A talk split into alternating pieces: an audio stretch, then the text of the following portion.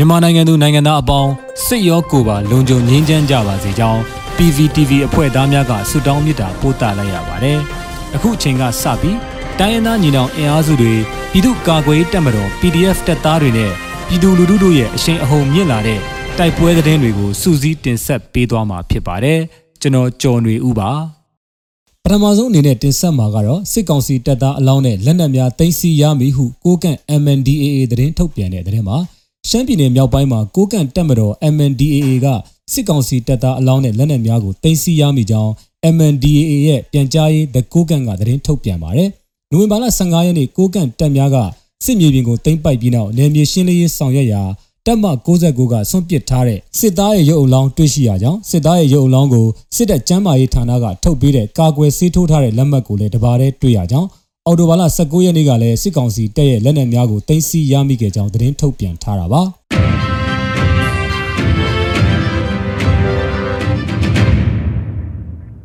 ဆက်လက်ပြီးစစ်ကောင်စီတပ်နဲ့ CNDF ကလေး PDF CDF KKG အကြားယနေ့နေ့နဲ့တိုက်ပွဲပြန်လည်ဖြစ်ပွားပြီးယမနေ့ကစစ်ကောင်စီတပ်သား20ကျော်တေဆုံးက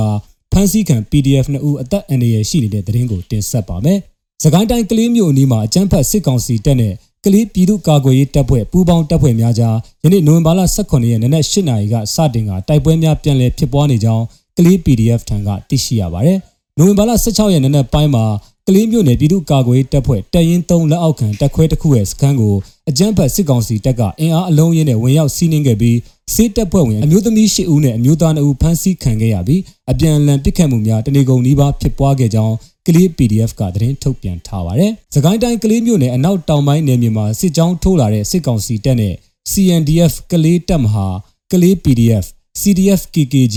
ရက်ရွာပကဖအဖွဲ့ဝင်များကြားနနက်9:00နာရီမှညနေ6:00နာရီထိတိုက်ပွဲဖြစ်ပွားခဲ့ပြီးစစ်ကောင်စီတပ်မှ20ထက်မနည်းတေဆုံးကြောင်းချင်းအမျိုးသားကာကွယ်ရေးတပ်ဖွဲ့ CNDF ကလည်းသတင်းထုတ်ပြန်ပါတယ်။ ကလေးမြို့နယ်ပြည်သူ့ကာကွယ်ရေးတပ်ဖွဲ့တပ်ရင်း3လက်အောက်ခံတပ်ခွဲစခန်းတစ်ခုဝင်စီးခံရစဉ်မှာဖမ်းဆီးခံရသူများအနက်မှအမျိုးသား2ဦးကိုစစ်ကောင်စီကတပ်ဖြတ်လိုက်ကြောင်းအတိမပြုနိုင်သေးတဲ့သတင်းများကြားရတယ်လို့ကလေး PDF ကသတင်းထုတ်ပြန်ထားပါတယ်။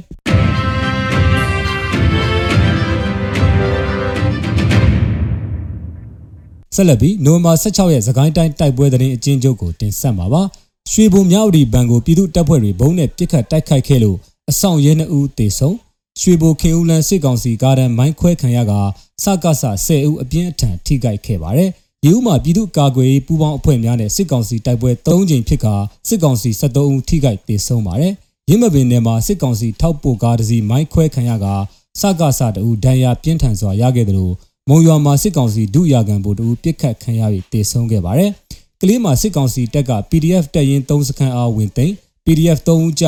10ဦးအဖမ်းခံခဲ့ရပါတယ်။ ကောလင်းဝင်းတို့စစ်ကောင်စီတပ်နဲ့ကောလင်း PDF တိုက်ပွဲဖြစ်ခါစကားစ3ဦးကြ12ဦးထိခိုက်ဒဏ်ရာရခဲ့ပါတယ်။စလင်းကြီးမှာစစ်ကောင်စီရင်တန်းမိုင်းခွဲခံရကနှစ်စီးပျက်စီးစကားစလူ10ဦးအပြင်းအထန်ထိခိုက်ဒဏ်ရာရရှိခဲ့ပါတယ်ခင်ဗျာ။